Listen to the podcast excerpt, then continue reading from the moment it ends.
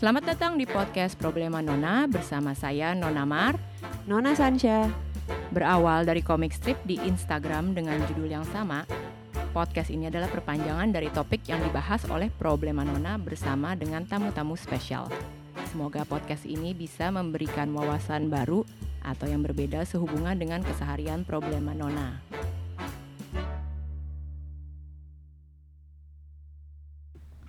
Oke, halo, selamat datang di podcast Problema Nona bersama saya Nona Mar. Nona Sansha. Dan hari ini kita kedatangan tamu yang super cool dan super keren banget dan dia adalah seorang rapper OG.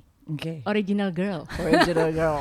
Namanya adalah Nona Yako. Nana Yako. Hai. Selamat datang. Hai, Nona hai. Thanks for having me. Eh, mungkin eh, pertama-tama bisa cerita sebenarnya nama asli lu tuh siapa sih? Karena kita Nah, itu. tadi Tadi dibahas. Iya, kayak nama aslinya siapa ya? Nggak tahu. Pokoknya yang pasti sih kayak ada Yako Yakonya gitu. Enggak sih nama gue sebenarnya nama aslinya Yani Octaviana. Tuh, gue bener. Tadi gue bilang emang ada sesuatu, Oh, ada Okta, Octavianus atau apa gitu. Tapi sebenarnya nggak ada hubungannya sama nama asli. Eh, Oh. Orang bilang oh itu karena ada iya dan ok. Gitu. Iya, iya, iya. Enggak sih. Enggak ya? Karena em, temen gue tuh waktu SD bilang kok kayaknya kamu namanya nggak cocok Yani gitu. Terus kita dulu punya grup namanya Metal Girl. Asik. oh gitu. Maksudnya Kelas berapa tuh? Kelas 6 SD. metal Keren. metal asin like suka metal, musik metal, musik gitu. metal, Oh wow, oke. kayak gitu. Iya. Cadas. Ya dulu kan kayaknya kalau SD sebelum masuk ke SMP ya itu zaman-zamannya Metallica lah, Sepultura. Itu ya. tahun berapa? Oh shit, oke. That's like 90-an lah. Oh. 89 90 deh Oh, oke, gitu. oke, oke, So iya, ya, iya. eh, zamannya maj- majalah kawanku, majalah Hai. Hai. gitu, Majalah betul. Hai. Nah, kita tuh sempet kayak yang kirim eh, surat ke apa majalah kawanku gitu yang bilang kalau kita tuh metal girl, you can ask us anything about metal music gitu. Terus ada nama namanya pakai nama samaran. Nah, gue tuh namanya Yani nggak cocok gitu di metal girls itu. Jadi dikasih nama sama temen gue Yako. Dari situlah nama gue akhirnya sampai sekarang pakainya Yako. Ah lucu banget. Terus metal girls ini nih ada berapa orang? Tujuh kalau nggak salah dulu. Wih, banyak. Yoi. Semua pakai nama samaran gitu. Yoi. Oh, lucu banget. Jadi emang dari dari kecil gitu ya kalian tuh ya lu ya especially juga udah into music Ya. dan maksudnya kalian juga uh, apa sangat berarti itu udah sangat beropini sih sebenarnya untuk misalnya uh, di saat umur 12 tahun gitu ya udah Ekspresif. suka lagunya yang kayak yang cadas gitu dan berani lagi sampai ngirim-ngirim segala macam ngirim-ngirim ke redaksinya gitu. Sebenarnya mungkin kurang kerjaan kali. kurang kerjaan juga ya iya. Jadi kalau dari situ mungkin uh, ya kalau lu bisa cerita juga gitu gimana awalnya lu bisa masuk ke dalam dunia rap gitu ya dan uh, mungkin uh, gimana perbedaannya ketika lu pertama kali masuk di uh, skena rap sam- sama sekarang gitu especially kan mungkin pas lo dulu awal-awal mulai nggak banyak ya Ya. belum banyak cewek gitu Oke, kalau dulu tuh em, satu-satunya media yang eh, yang bikin gue terekspos sama musik hip hop, eh, rap dan hip hop ya, kultur hip hop itu adalah radio. Itu satu-satunya media di mana gue bisa dengerin rap pertama kali. Tuh kan, karena kalau dulu tuh juga belum ada MTV, terus kalau misalnya nonton TV juga, ya apa sih Ria Jenaka? Ya, kan? eh, Ria Terus- Jenaka. Hmm. yang yang keluarnya tuh air abis itu dibalik Ria gitu. Anjir ketahuan umurnya banget nih kita. Terus yang apa sih ya pokoknya yang gitu deh ya nggak ada lah di di TV tuh yang musik-musik gitu. Jadi gue dengernya pertama kali tuh udah terus terus terang dari radio yang mulai di tahun 91 tuh rap masuk mulai banyak diputar. Di radio mana ya? Di gue dulu grow up di Surabaya, jadi radio yang gue dengerin waktu itu Strato namanya, terus ada Istara macam-macam. Nah itu mulai putar lagu rap dari mulai Naughty by Nature, terus dari Toran DMC, Kid Rock, terus Public Enemy, gitu. Jadi mulai gue denger, terus gue yang kayak, wow, keren ya, kok kayaknya susah ya ngapalin ya gitu kan, kayak kayak ngomong apa sih nih gitu. Apalagi dulu kan nggak ada liriknya. Kalau sekarang lo mau search internet lirik apa juga dapat, ya kan? Ada Kayak antara genius gitu. ini ngomong bukan nyanyi bukan. Marah-marah ya kan? Gitu. Ngomel perasaan mak gue doang yang ngomel gitu. Ini ada lagi gitu. So ya udah gue mulai tertarik mendengarkan dan gue kayak yang kalau dulu tuh gimana sih lo? Yang gila gue tua banget ya. Jadi kaset kaset yang lo beli lo timpa jadi lo rekam tuh di radio ya kan? Oh, Oh, tahu iya, gue. mixtape jadi lo kayak gitu. bikin mixtape gitu terus dia gitu ya udah lo dengerin lo rewind lo pause terus gitu lo dengerin lo tulis udah bahasa Inggrisnya ngaco juga kan ya gitu. Jadi yang penting pokoknya I got my I got the lyrics gitu. Jadi udah dari situ gue mulai ngapalin terus ngapalin. Karena dari dulu gue memang suka musik. Gue besar di Surab apalagi di Surabaya itu kayak ada semacam suka 17 Agustusan tuh ada panggung pasti Oh, dari kayak mulai gue nyanyi lagu gomblo pensi Oh, gitu. gitu. ya. tapi di kampung Oh. Jadi bukan pensi, bukan sekolah juga, Oh, iya, di kamp- bukan. di komplek rumah. Oke, oke, oke. Jadi dari mulai lagu gomblo, dari mulai lagu Anggun C Sasmi sampai itu emang kemauan lu sendiri ha-ha. atau di di disuruh diminta enggak, gue suka gitu. mengajukan diri kita Open mic gitu. ya ada latihannya, Bu. oh, serius banget Ada nih. di Iya, iya. studio loh juga. gitu. Ya karena emang suka nyanyi aja, suka musik. Cuman gue ngerasa tuh kayak suara gue nggak baik, nggak bagus-bagus amat gitu. Jadi ya udah. Nah, terus kayak ya udah di situ aja. Terus, nah dengerin rap, ya itu gue mau bener-bener feel tertantang untuk kayak ngapalin lagu yang nggak butuh nada, gitu. Yang penuh dengan lirik eh, dan beatnya itu lo denger tuh udah bikin kayak nodding your head gitu ya nggak sih lo di- denger dikit aja udah kayak yang Tapi pada saat itu ketika lo dengerin lagu rap gitu eh, orang tua lo atau mungkin eh, ya orang rumah me- pendapat mereka bagaimana? eh karena emang mereka tahu mereka tahu gue suka musik jadi dibiarin aja cuman the problem comes when em, gue main mulai main ke radio di umur 14 tahun 13 tahun itu mulai main ke radio Mhm. Nah, radio itu pada saat itu mungkin di perspektifnya gue nggak tinggal sama orang tua tapi di eh, nenek gue itu kayak negatif. Mm-mm. tukang speak. Tukang speak dia ngomong gitu. iya. Nenek gue bilang gitu. So, om-om dan tante gue itu bilangnya jangan main ke radio kamu nanti dibohongin sama penyiarnya gitu. Yang as in- karena dulu gini penyiar radio tuh eh, mungkin sampai sekarang masih ya jadi kayak semacam idola gitu. Jadi dan banyak yang kayak cuman denger suaranya itu terus yang kemenge-menge gitu yang kayak Oh, termehek-mehek gitu maksudnya loh, dalam gitu. konteks itu ya. Betul, gitu Nanti Jadi- kamu kabur sama dibawa kabur sama si penyiarnya gitu ya. takutnya begitu gitu ya. Oh, diajarin yang aneh-aneh gitu kan Oh, iya, gitu iya, iya. Rusak, So, rusak. jadi gitu nah akhirnya tapi ya gue karena beralasan gue main ke radio itu eh, karena gue kebetulan memang yang ngajarin gue untuk nge-rap itu ada kolektif di situ namanya Pumpkin Rapper Crew. Mereka punya program hip hop di situ. Dan gue eh, sempet ada kompetisi di kompetisi ngucapin ulang tahun karena radio tuh ulang tahun dengan cara masing-masing. Nah gue dengan cara sosokan nge-rap Aduh coba. Kayak gimana coba dong, coba Aduh dong. gila lo Ayo dong. Masih inget nggak? Gak mau Old school banget kayak itu Kan cuma selamat ulang tahun doang kan. Something like that deh Selamat ulang tahun yang kayak gitu Lokal banget gitu ya. Asli gitu Ya secara Kayak mau ngasih Mau ngomong bahasa Inggrisnya paling cuma yang happy birthday gitu doang gitu. Akhirnya, akhirnya ya udah diundang datang ke sana.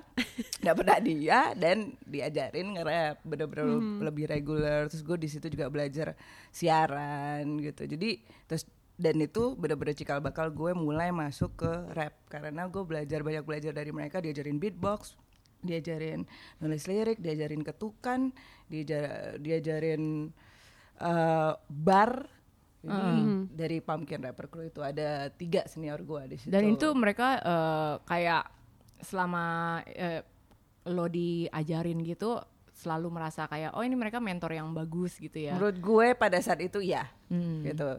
Me- mentor gue tuh mereka sama ya itu tadi eh, belajar ya langsung dari kaset direkam lagunya terus gitu di rewind terus belajar sendiri kurang lebih seperti itu sih. Jadi ya akhirnya gue mulai rutin siaran di situ dan sering salah satu cara mereka untuk membuat gue berani itu adalah ngirim ngirim gue ikutan kompetisi.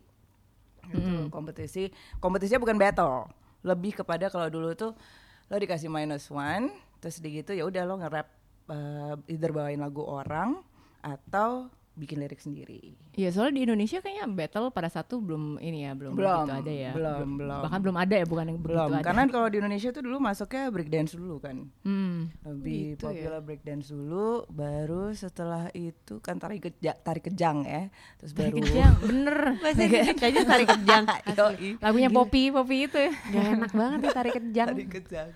Terus sama ya DJ kalau DJ udah udah dari dulu kan ya gitu. Terus ya paling baru rap setelah itu dan pada saat itu writer. berarti belum banyak ya kayak ya, ya, maksudnya apalagi cewek-cewek gitu ya yang yang ikutan di dunia itu Nah, di saat Denada pertama kali nge-rap itu gue juga udah mulai nge-rap. Terus ada di Surabaya itu nggak banyak deh, eh, bisa dihitung. Eh, terus kemudian eh, dulu ada kontes apa gitu di di Jakarta, itu pernah ada peserta dari Sidoarjo yang ikutan dan menang, tapi ya udah nggak nggak diterusin lagi kayaknya gitu. Terus terus akhirnya dari situ gue juga mulai memberanikan diri untuk ngirim demo ke eh apa namanya ke pesta rap ke yang megang pesta rap. iya dari situ ya mulainya ya Ya, ya udah pesta rap satu udah keluar kan. Nah, gue kebetulan eh, bisa masuk di pesta rap 2 gitu. Pesta rap 2 terus rekaman di Jakarta. Habis itu ya udah eh, lagu oh di situ gue masih pakai bersama bareng sama grup gue namanya eh, Pumpkin Hardcore Crew. Pakai oh barengan sama si yang mentornya jadi ini lo. udah generation the next generationnya. Oh, udah regenerate Generation- gitu ya. regenerate tuh ada udah lapis keduanya. Nah itu gue sama Doni sama Denny. Nah udah di situ kita ngeluarin ada lagu judulnya Nongkrong. eh bareng sama di situ bareng sama Sound the Clan sama Paperclip. Terus mulai kenal sama anak-anak Sweet Martabak. Oh, iya, segala iya, macam. iya, Nah iya. itu mulai kenalnya. situ. cuma Sweet Martabak yang lain pasti disebutin kita Iya, diem siapa nih ya? Sweet Martabak baru ah ya gitu lah jadi mulai tuh kenal kenal Black Kumu terus di gitu dari situ juga akhirnya eh, nyambung ke eh, single gue bareng sama Iwaka sempet ada kan Julia apa sih itu tahun 2001 terus habis itu nah sempet tuh gue sempet vakum pas lagi sebelum 2001 ke sebelumnya gitu Mm-mm.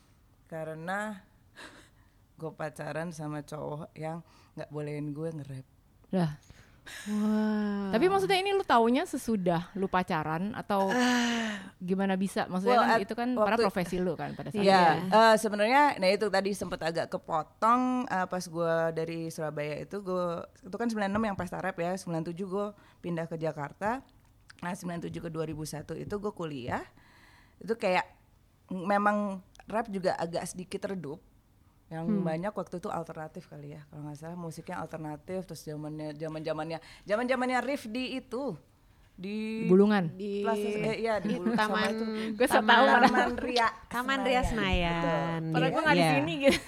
Bulungan. lo iya lo lo nggak ada di sini Taman Ria Senayan sama ada poster Iya. lambo, lambor Nah, gitu-gitu betul. kan Itu kan berarti Iya. kan zaman-zamannya corn Sanca juga gitu-gitu anak ya. skena nih Yoi. ceritanya Anak nih. anak skena Iya masih Ini- kecil masih kecil umur lima, umur berapa tuh ya umur 15 kali Ya enggak kecil lah, lu udah udah bisa pergi nonton tapi kan. udah bisa nonton konser Iya, lah iya.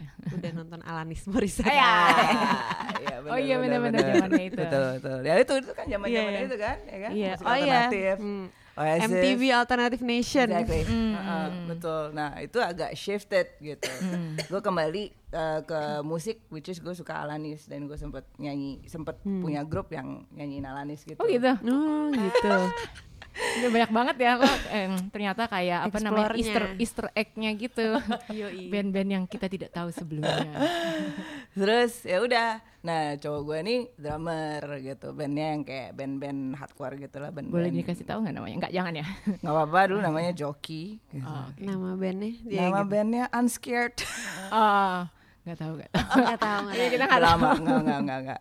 Main main di poster tapi gitu-gitu aja deh gitu. Oh. Terus eh abis itu ya udah nah pas bareng sama dia kayaknya dia bilang ya udah deh jangan jangan nge-rap deh kalau mau nyanyi nyanyi aja yang biasa-biasa aja gitu Wah, aneh gitu. Tapi maksudnya nggak apa-apa berkarir di dunia musik tapi jangan nge-rap. Iya.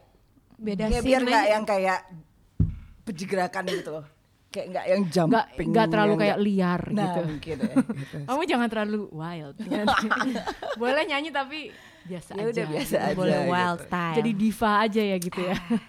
Kenapa? Aneh. Karena beda scene aja gak sih? Nggak, tapi iya karena dia juga musisi harusnya kan dia Iya bisa sih. mengerti ya maksudnya kalau dari background yang sama gitu loh apakah mungkin karena dia nggak ngerti gitu dunia yang lu geluti itu Mungkin ya dia mikirnya ah, udahlah jadi cewek yang biasa-biasa aja udahlah yang nemenin gue aja lah yang gini-gini ini oke lo suka musik ini nggak apa-apa tapi kalau it comes to perform udah yang santai aja deh. Hmm, kayak santai kayak maksudnya yang kayak penyanyi kafe gitu ya, Iya, yang yang yang santai-santai gitu yang meliuk- aja iya. atau Alanis juga nggak apa-apa deh pokoknya jangan rap gitu Hmm, aneh Jangan- juga tapi ya I don't know. So mungkin Iya, ada iya. hubungannya sama orang tuanya juga atau gimana? Gue gak tahu deh. Hai Joki, sorry. terus dan dan you dump him gitu Setelah lima tahun pacaran, ya akhirnya gue kayaknya I choose I rap. lost myself gitu. Gue kayak nggak kenalin gue sendiri gitu. Yeah. Akhirnya gue kembali lagi, rap lagi. Jadi gue uh, pas gue kuliah di Sydney dan gue terekspos lagi sama hip hop lokal hip hopnya di sana gitu. Jadi ya udah, gue kayak yang menemukan dunia gue yang dulu. Gitu. Jadi gue kayak yang I'm back. I'm begging, ke mana Iya. aja kemarin gue? Gitu. It's funny how how much we sacrifice for love ya, for Iya. Kayak, Hmm, tapi maksudnya pada relationship satu gitu. iya karena lu lumayan lama kan, lu lima tahun Hmm. dan selama lima tahun itu lo bisa tidak me- berkecimpung di dunia Iya. rap itu. Ya, gue pikir gue bisa gitu. Maksudnya ya abis itu jadi maybe a business woman terus yang ya udah gitu. Tapi ternyata nggak bisa. Mm-mm. I can't do it. So ya udah di Sydney ya gue sambil kuliah sambil kerja sambil musik lagi kumpul sama uh, lokal hip hop di sana terus juga sama uh, musisi-musisi Indonesia yang emang di sana gue jadi ya udah aktif aja mulai aktif lagi di di scene rap gitu deh Mm, gitu. and that was the end of the love story. Yeah. and the beginning of another lot lots of stories gitu. Which I never regret. oh, cerita dong, itu boleh sih. Gitu. Banyak lah. Banyak. Susah. Ya udah satu deh satu yang berkesan atau apa gitu. Ah, But you en- also entered ini kan, you also entered motherhood gitu kan. oh iya iya And pastinya. uh, how was that juga dengan Yeah. lo ber uh, masih balance antara lo juga kerja kan karena lo seorang dosen juga Ah, ah, ah. dan lo juga masih uh, be- uh, berkarir di dunia rap gitu loh dan lo juga uh, apa berkeluarga gitu. Gimana tuh ngatur jadwalnya? Um, eh, ya harus ada yang di compromise ya harus ada yang di sacrifice sih nggak bisa. Sometimes memang kadang ada waktu-waktunya di mana gue yang harus apa namanya eh kayak misalnya mungkin ada tawaran untuk main di TV gitu ya gitu. Ada ya, talk show gitu di TV gitu minta. Tapi rata-rata slotnya itu eh, siang. Eh, itu biasanya gue gue tolak. Hmm. karena ya kerjaan gue kan eh, di kampus itu me- mengharuskan gue untuk dari jam 8 sampai jam 5 sampai jam 6 sore gitu. Jadi dan apalagi waktu-waktu enrollment, waktu-waktu ada training segala macam itu gue in charge gitu. Jadinya gue nggak bisa ninggalin eh, kegiatan itu gitu. Nah makanya itu banyak yang gue sacrifice. Kenapa mungkin beberapa orang ada yang nanya kenapa jarang ada di TV juga. Eh, satu karena gue banyak sacrifice itu, plus yang kedua gue juga nggak aiming into too many TV shows and everything like that gitu. Jadinya tuh kalau sama anak gue ya by the time I get home kalau nggak ada apa-apa gitu, gue pinter-pinter coba pinter-pinter ngatur, ngatur jadwal aja dalam seminggu. Misalnya gue udah kerja setiap hari sampai Jumat, nah gue sediain waktu tuh paling nggak dua hari dia malam untuk recording atau apa, atau paling nggak gue pulang dulu ke rumah Alana belajar dulu segala macam apalagi kalau dia ada tes nemenin dia belajar jam 10 malam nanti gue cabut lagi. Ada recording gitu. Nah recording sampai jam 1 baru gue balik gitu. Gila, Terus gempor pagi, juga ya ya. udah ya. Tapi karena gue suka I love doing it. Klise mungkin ya tapi Iya, iya. seperti ya kalau misalnya lo suka doing it dan you won't feel it gitu Mhm. badan nggak biasa gitu iya. kecuali kalau ya lo emang dipaksa untuk melakukan sesuatu yang lo nggak suka gitu kalau Mhm. gue I don't mind doing that gitu Hmm. Berarti Wira- juga suka sini. suka dengan dunia mengajar juga ya. banget Hmm. Hmm. Uh, that's why I stick. Uh, Sebenarnya gue udah jarang ngajar sekarang, paling cuma satu atau dua kelas gue lebih banyak running uh, ini ya sih apa namanya programnya gitu. Tapi tetap dunia education itu menurut gue kan banyak orang bilang bertolak belakang sama hip hop ya. Tapi menurut gue malah sebenarnya gue banyak belajar, gue belajar banyak dari dua dunia yang berbeda ini. Gue tahu banyak masih tentang tren yang apa yang terjadi sekarang itu dari murid-murid gue. Gue mengetahui Hmm. problematika anak-anak sekarang tuh itu dari murid-murid gue gitu karena apalagi eh, anak Jaksel, Jakarta Utara, Jakarta Barat dan Tangerang itu karakteristiknya itu sangat berbeda Beda-beda gitu ya. beda-beda banget gitu Coba kayak- dan kayak- itu gue tahu baru setelah gue ngajar Hmm. Kayak gimana maksudnya kayak karakternya? anak Jaksel tuh lebih ke mana-mana banget lebih explore bisa sampai Iya. ke Muara Karang sampai ke Kelapa Gading sampai ke Tangerang di, di eh, tapi di balik itu anak Jakarta Barat Jakarta Utara mereka tetap lebih banyak ngendon di situ-situ aja. Nggak banyak mereka keluar dari dari zona comfort zone mereka itu gitu.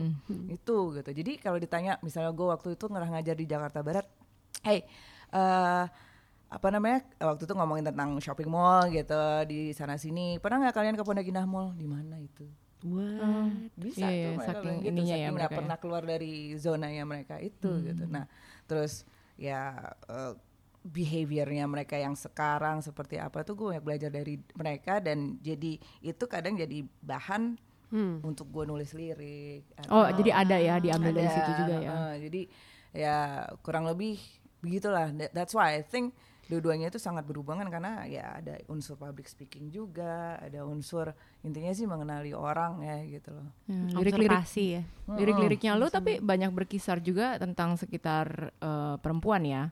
Lumayan ya berapa tahun terakhir ini uh, gue akhirnya menyadari bahwa gue so, uh, feminis gitu dan dan karena dulu tuh gue nggak pernah tahu mungkin gue gue sempet sempet gini gue nggak mau dibilang feminis gitu Iya.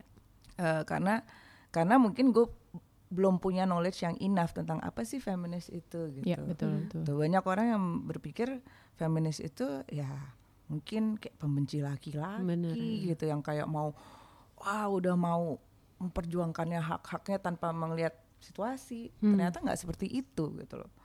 Feminis itu bukan pembenci laki-laki dan gue masih suka I I still love dick, you know. Need man. Sorry. But yeah, jadi Well. you do love it, right? Dan secara biologis Yeah, I guess you mungkin could say that. ada itu ya. Jadi ya um, yang gue benci adalah sistem patriarki, Iya, gitu, betul. misogini, ya kan, yang hal-hal seperti itu. Menurut gitu. lu di Indonesia kayak gimana eh, sistem patriarki dan misoginisnya? Wow, one of loaded the question. gila itu itu yang paling salah satu yang memang eh apa ya sistem patriarki di situ sangat tinggi gitu, apalagi di beberapa kultur tertentu ya gitu, seperti Jawa itu lumayan tinggi gitu. Jadi ya itu sih sebenarnya yang gue benci dari dari apa sebagai feminis gitu. Dan dan for us gitu, menurut gue feminis itu ya untuk lebih ke memperjuangkan hak hak perempuan mungkin dengarnya klise tapi lebih kepada hak hak ini tuh yang kayak hak bisa memilih hak akses ke edukasi hak akses ke kesehatan ya kan hak untuk memiliki rasa aman gitu hak eh, apa eh, tidak takut eh, di harass gitu atau sexually harass yang seperti Iya, itu lah betul, betul. seperti itu gitu jadi ya I think and I think sebenarnya itu semua orang menurut gue harus menjadi feminis even even If you're- male Iya. gitu Iya. Claiming tapi ya mungkin nggak semua orang akan ngeklaim uh, bahwa Betul. mereka itu feminis cuman uh, I think dalam keseharian hidupnya kita harus uh, lebih aware kali Iya, ya. Lebih betul. aware of like things that we do uh, and say as well and not just for apa especially juga ya mungkin ya uh, for us for women juga gitu ya. Karena kan kita kadang-kadang ya mungkin cenderung lupa kalau misalnya kita tuh ya we are women tapi jadi tapi kita kadang kita lupa juga gitu loh. Yeah. and we would say things that maybe yang mungkin sebenarnya juga jadi detrimental towards other women gitu Hmm, kan. ya ya Yes, itu itu itu juga sih. Intinya sih sebenarnya ya saling menghargai aja. Plus maksudnya juga uh, as a femin uh, maksudnya sebagai women ya balik lagi uh, you don't have to be a masculine to be a feminist. Juga you don't have to be a feminine to be a feminist. Jadi you just be yourself. Cuman ya itu tadi uh, basic foundation for being a feminist itu ya lo harus sadar tentang hak-hak lo sebagai Hak-hak. perempuan gitu loh. Itu aja sih gitu. Uh, apa hak-hak seperti yang tadi gue bilang itu. Dan itu sebenarnya juga ada lo ada bikin movement juga ya yang namanya hands off ya? Ya. Itu mungkin juga bisa diceritain dikit. uh, uh, hands off itu gue initiated uh, it was two years ago. Ya baru sih sebenarnya baru dua tahun yang lalu. Uh, ter- pertama memang yang tercipta adalah lagunya dulu ya Hmm. uh-uh. Uh, judulnya yang rame-rame ya itu Betul, ya. seru tuh judulnya hands off gitu. Itu gue uh, nulis lagu itu emang liriknya bercerita bahwa I've had enough of uh, being apa namanya harassed gitu, especially sexually harassed dari mulai uh, karena di Indonesia juga rape culture-nya itu sangat tinggi gitu. Iya, loh. uh-uh. Jadinya gue udah udah udah I cannot tolerate this anymore gitu. Udah had enough. Jadi gue bilang bikin lagu itu gue um, pokoknya gue nggak nggak apa istilahnya um, hands off put your hands off me gitu kan yang dan gue ngajak temen-temen gue uh, yang uh, kebetulan gue gue rasa mereka tuh sangat kuat gitu rasa uh, ingin memperjuangkan hak-haknya itu. Terus kemudian ya udah dari situ eh ternyata ternyata lagu tersebut lumayan viral dan dan impactnya bagus banget gitu. Gue seneng banget karena eh paling nggak banyak orang mulai aware gitu loh bahwa gue memang intinya sih mencoba meng- menginspirasi dan mengedukasi bahwa orang eh, perempuan terutama itu untuk berusaha untuk ya me- menantang balik atau fighting ya gitu untuk melawan kekerasan seksual dan di jalan ya. Kayak misalnya lo di sweet sweetin aja tuh kan ya it's never a compliment gitu loh. Ya, kalau Terus- misalnya, tapi maksudnya eh, gimana ya kan nggak semua orang yang mungkin memiliki kepribadian yang yang kuat gitu. Betul. Misalnya Benar untuk ya. untuk melawan To balik. Betul. nggak betul. semua perempuan tuh kita di posisi itu gitu Oh, loh. pasti. Mungkin kayak me, the- mungkin kita bertiga orangnya emang kayak ya udah gitu. Kita Ah-ah. pasti akan say something or do something. oke But not everybody kayak are, ya di posisi itu gitu Yes. mungkin ya. Hmm. Itu Ya, kayak gimana menyikapinya? Betul, ta- dan tapi sebenarnya gini, itu itu wajar-wajar banget. Bahkan gue pernah di posisi yang maksudnya gue udah rilis lagu hands off segala macem, orang pikir akan kalau misalnya gue terkena eh, apa namanya sexual harassment gitu, eh, gue akan melawan atau street harassment gitu pasti akan melawan. Tapi faktanya ini yang terjadi. Gue eh, dua bulan yang lalu gue lagi mau lari di Tebet, Eh, terus kemudian tiba-tiba gue lagi mikirin lagi lagi mau pakai head- headphone gue earphone gue lagi milih lagu dari belakang itu di Tebet ya it's my neighborhood gitu di jalan yang bukan jalan raya jalan yang gang gitu tiba-tiba ada yang naik motor gue nggak denger tiba-tiba ada yang naik motor langsung megang tete gue Eh, sumpah ini baru tadi baru kita banget bahas banget nih dibahas. kejadian ini. Iya. Dan ini ternyata banyak banget cerita-cerita Iya. kayak gini. So what did you do? gue nah itu ini yang gue bilang I was stunned jadi gue bener-bener kaget reaksi pertama gue adalah kaget dan gue kayak tertegun gitu kayak yang fresh gitu. Terus yang orang eh, gue yang yang reaksi kedua adalah gue langsung teriak. Ya, gue gak mungkin teriak sini kan terkenceng lagi. Woi gitu kan. Udah ke- eh, keluar segala macam sumpah serapah. Tapi gue nggak lari ngejar. Karena dia juga naik motor. Ya. Dia nggak bahkan nggak ngelihat ke gue lagi dia cuma ngeliat neng gitu banget. ngebut Mm-mm. dan em, di situ gue cuman bawa handphone Hmm. nggak mungkin dong handphone gue lempar sayang handphone gue Mahal, belum mahal. ganti nggak mahal juga belum ganti-ganti aja Oh gitu.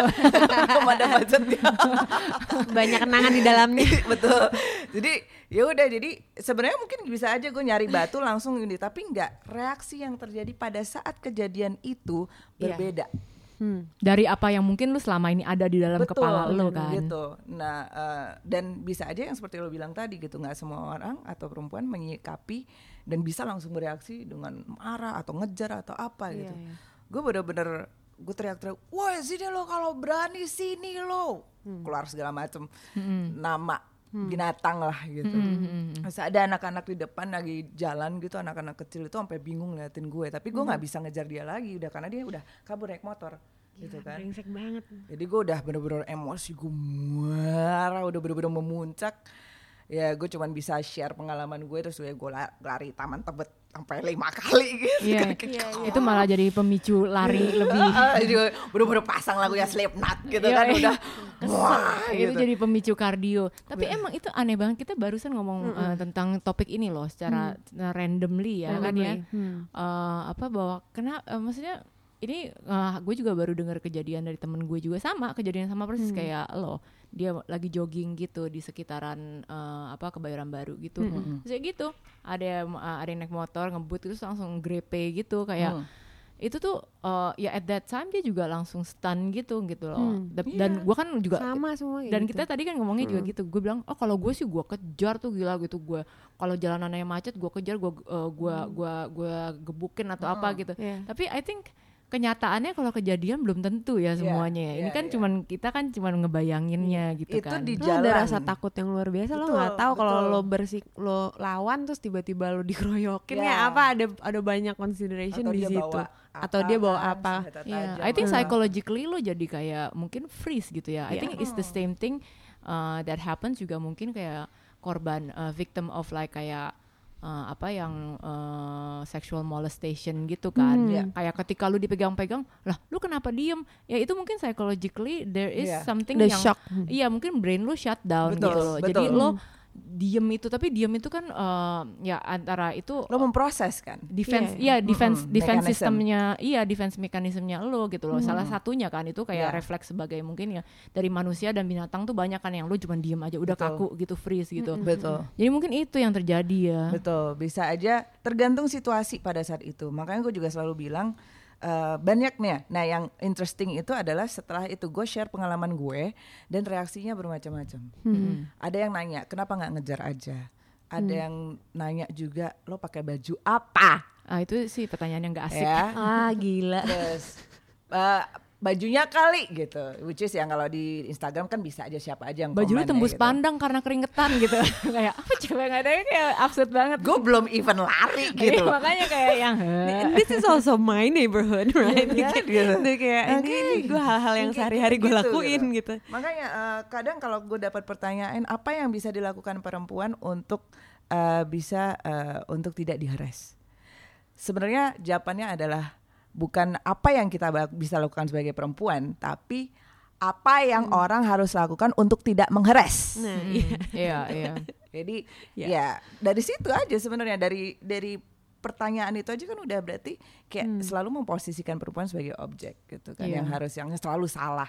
Nggak boleh pakai baju yang begini it's never about kalau lari jangan pakai celana pendek Ya. asli ya gitu kan.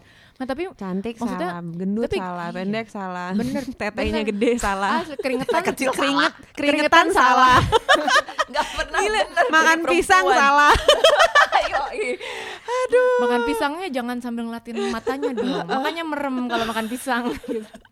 Kayak yang kayak gitu tapi maksudnya kalau kayak gitu kan kita sebenarnya ada eh, pasti buat lo juga pada saat itu eh, ada rasa yang nggak puas banget kan karena lo Iya. nggak bisa apa ya em, eh, ya lo nggak bisa Ngelawan. ngomong Hmm. sesuatu gitu loh Iya. atau ngelawan iya ngelawan Iya, kan ngelawan. itu tapi gimana ya maksudnya me, me- me- me- apa gimana ya menyingkirkan rasa itu itu pasti ganjel banget kan selama eh, beberapa saat gitu ya loh ya kalau pada Penyesalan gitu. pada saat Mm-mm. itu sih eh ya itu tadi karena kebetulan memang gue konteksnya lagi mau lari jadi gue gue lariin aja gitu sampai gue puas gitu Hmm. terus terus gue cerita ke partner gue apa yang terjadi sama gue dan gue share story gue gitu dan eh dari situ gue juga dapet tips-tips gitu pada saat lari Eh, kalau bisa itu ini sebagai tindakan ini aja sih bukan preventif supaya gue ini tapi lebih kepada kalau misalnya lo kena seperti itu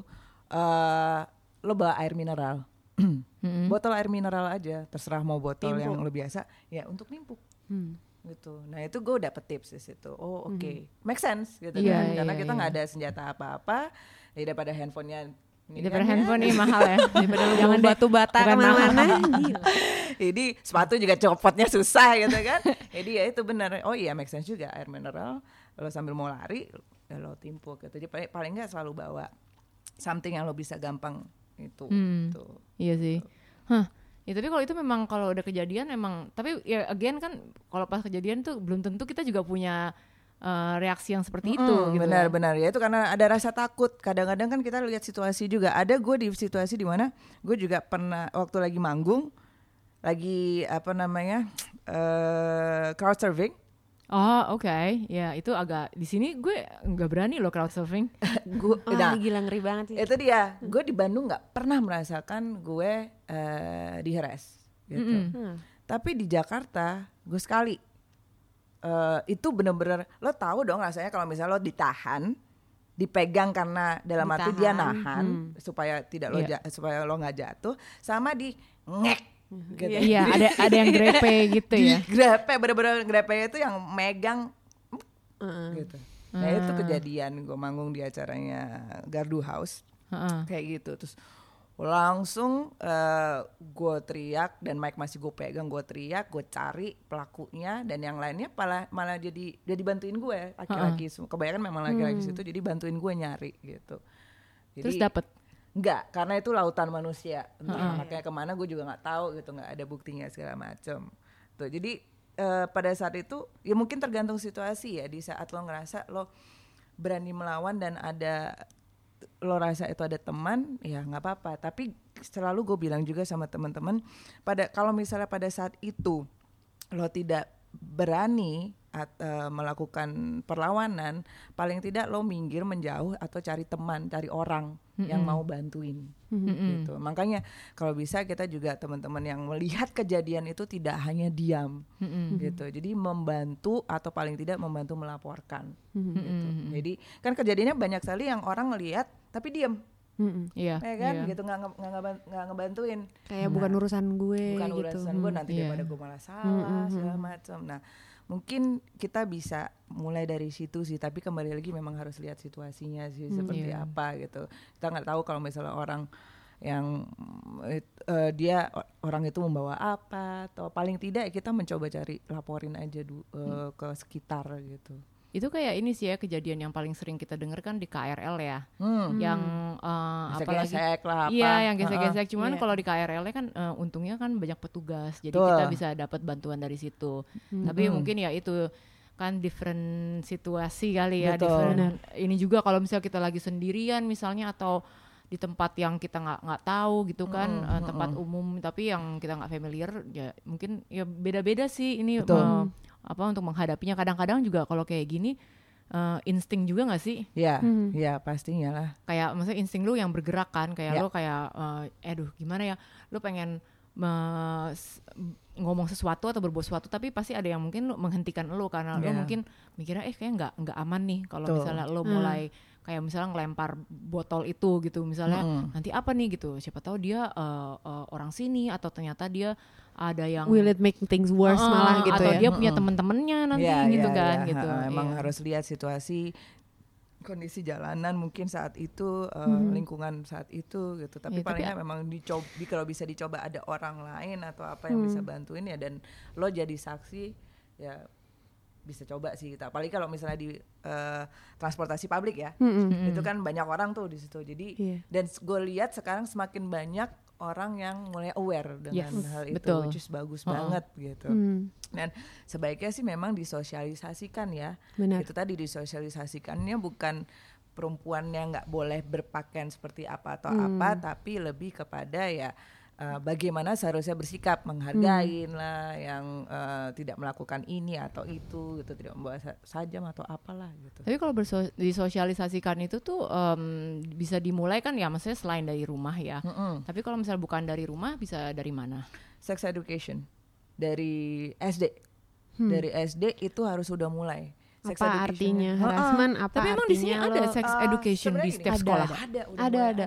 Oh gitu. Udah udah Oke. mulai Ada kelas beberapa 4 SD sekolah. kalau nggak salah Dari kelas du saat gini, Oh, iya. kelas 1 2 ada levelnya sendiri. Mereka dikenali tentang badan mereka, bagian Hmm. private itu yang mana segala macam. Bagaimana mereka harus Iya. menghargain eh, laki-laki dan perempuan bahwa eh, apa organ tubuhnya berbeda. Kelas 3 dan kelas 4 nanti levelnya naik lagi gitu. Mhm. Mereka dikasih tahu education yang sedikit berbeda. 5 6 ada lagi gitu. Kebetulan di sekolah anak gue diajarin seperti itu gitu. Jadi ya paling enggak ada level-levelnya. Jadi bukan kayak yang eh, sesuai umur lah Ah, betul yang having sex itu gimana enggak gitu tapi lebih Iya. kepada seperti itu di lain di luar itu ya seperti yang lo bilang di rumah Mm. di, di- diajarin kalau misalnya ya menghargain nggak nggak dan nggak stereotyping as in ya perempuan lo nyuci piring semacam hal-hal yang seperti itu gitu ya kayak household itu dilakukan bersama-sama gitu. Kembali lagi kesannya klise tapi it work it it works sebenarnya. Nah kalau yang lo bilang tadi di luar disosialisasikannya seperti apa ya mungkin as simple as kayak eh apa ya ngobrol ngobrol. Sometimes lo denger joke yang apa namanya joke yang kayak seksis banget Seksis, gitu iya. kan Eh, lo nggak enak nih misalnya Uh-uh. karena temen lo gitu kan ya Uh-uh. gitu, gitu lo udah biasa ngobrol sama dia terus tiba-tiba dia seksis banget joke-nya gitu ya lo bilang aja as simple as like "Eh, gila lo nggak gitu juga kali gitu ngomongnya Oke. as simple as kayak lo nggak menyata- menyatakan lo nggak nyaman Oke. mungkin dia akan bilang eh apaan sih lo gitu banget gitu eh tapi ya kenapa Mm, Gitu. Jadi jangan Iya. Ya maksudnya jangan jangan takut juga bukan jangan takut sih jangan segan ya untuk lo speak up juga walaupun dia temen lo gitu. Mm-mm. Iya. tuh Jadi kayak wah lo harus bisa mengkoreksi dia juga gitu. ya lo akan balik lagi lo mungkin lo akan punya insting di situ di saat lo misalnya mau me- menyetop dia gitu karena lo merasa nggak nyaman Mm. eh, atau kalau misalnya udah nggak nyaman lo tinggalin aja pergi dari situ Hmm. gitu. Kayak gue pernah juga ada di kumpulan teman-teman rapper gitu ya, cowok semua gitu. Yeah. I'm the only girl. Itu udah ngomonginnya udah seksis banget. Nah, itu gue udah mulai kayak apa sih ngomong yang lain dong gitu. Udah tetap masih ngomong ini. Akhirnya gue pergi. Mm. Ya gue menunjukkan bahwa gue tidak nyaman di situ gitu. Bodoh amat mereka ngomong apa gitu karena ya buat gue tuh udah nggak nyaman gitu. Mereka mikir gitu, ah ya aku nih sejak keluarin lagu kayak gitu-gitu ini banget sih gitu. Bodoh amat. Iya iya iya. Nah, that's iya. that's what I feel gitu. Mm-mm. Ada dan itu yang gue juga kadang-kadang ajarin ke murid-murid gue gitu. Iya iya iya. Bahwa gue mulai mengundang guest speaker yang bergerak di bidang eh, yaitu tadi eh, trying to fight sexual harassment, street harassment seperti itu gitu. Nah di situ lucu banget macam-macam tuh. eh, jadi ba- yang itu tadi banyak mereka belajar itu dari rumah. Hmm. Ada yang waktu tanya, eh, kamu nanti kalau punya istri mau seperti istri seperti apa gitu. Tuh, "Em, maunya yang kayak kerja di rumah aja. Gitu. Oh kok kenapa gitu? Ya karena ayah saya mengajarkan seperti itu. Mm, Iya iya iya. Jadi Kalau kayak gitu kan susah ya maksudnya itu kan kalau ajaran dari rumah itu berarti Hmm. sudah lumayan mendasar banget. betul, ya. Mm-mm, gitu. Dan mungkin juga di Bahkan amini ibunya kadang-kadang masih kayak gitu. Betul, diamini oleh yaitu perempuan yang ada di situ Hmm. juga Mm-mm. gitu. Jadi memang itu yang susah. Yang paling susah itu adalah buat perempuan adalah menurut gue adalah memang ya stigma-stigma sosial itu, stereotip stereotip itu yang kadang susah sekali untuk dilawan karena lawan uh, lawan uh, lingkungan pertama yang harus dilawan adalah keluarga sendiri, Iya. ya kan? Berapa kali sih kita juga nggak nggak mungkin dengan misal ngobrol dengan orang tua kita tentang LGBT atau apa itu kita ada something yang kita nggak nyaman gitu. Uh, Mm-mm. sementara mungkin mereka eh, nggak nyaman dengan apa namanya teman-teman LGBT gitu Iya. ngomongnya itu. Nah itu kan kita susah juga kan untuk masuk Mm. gitu. Seperti apa gitu. Iya.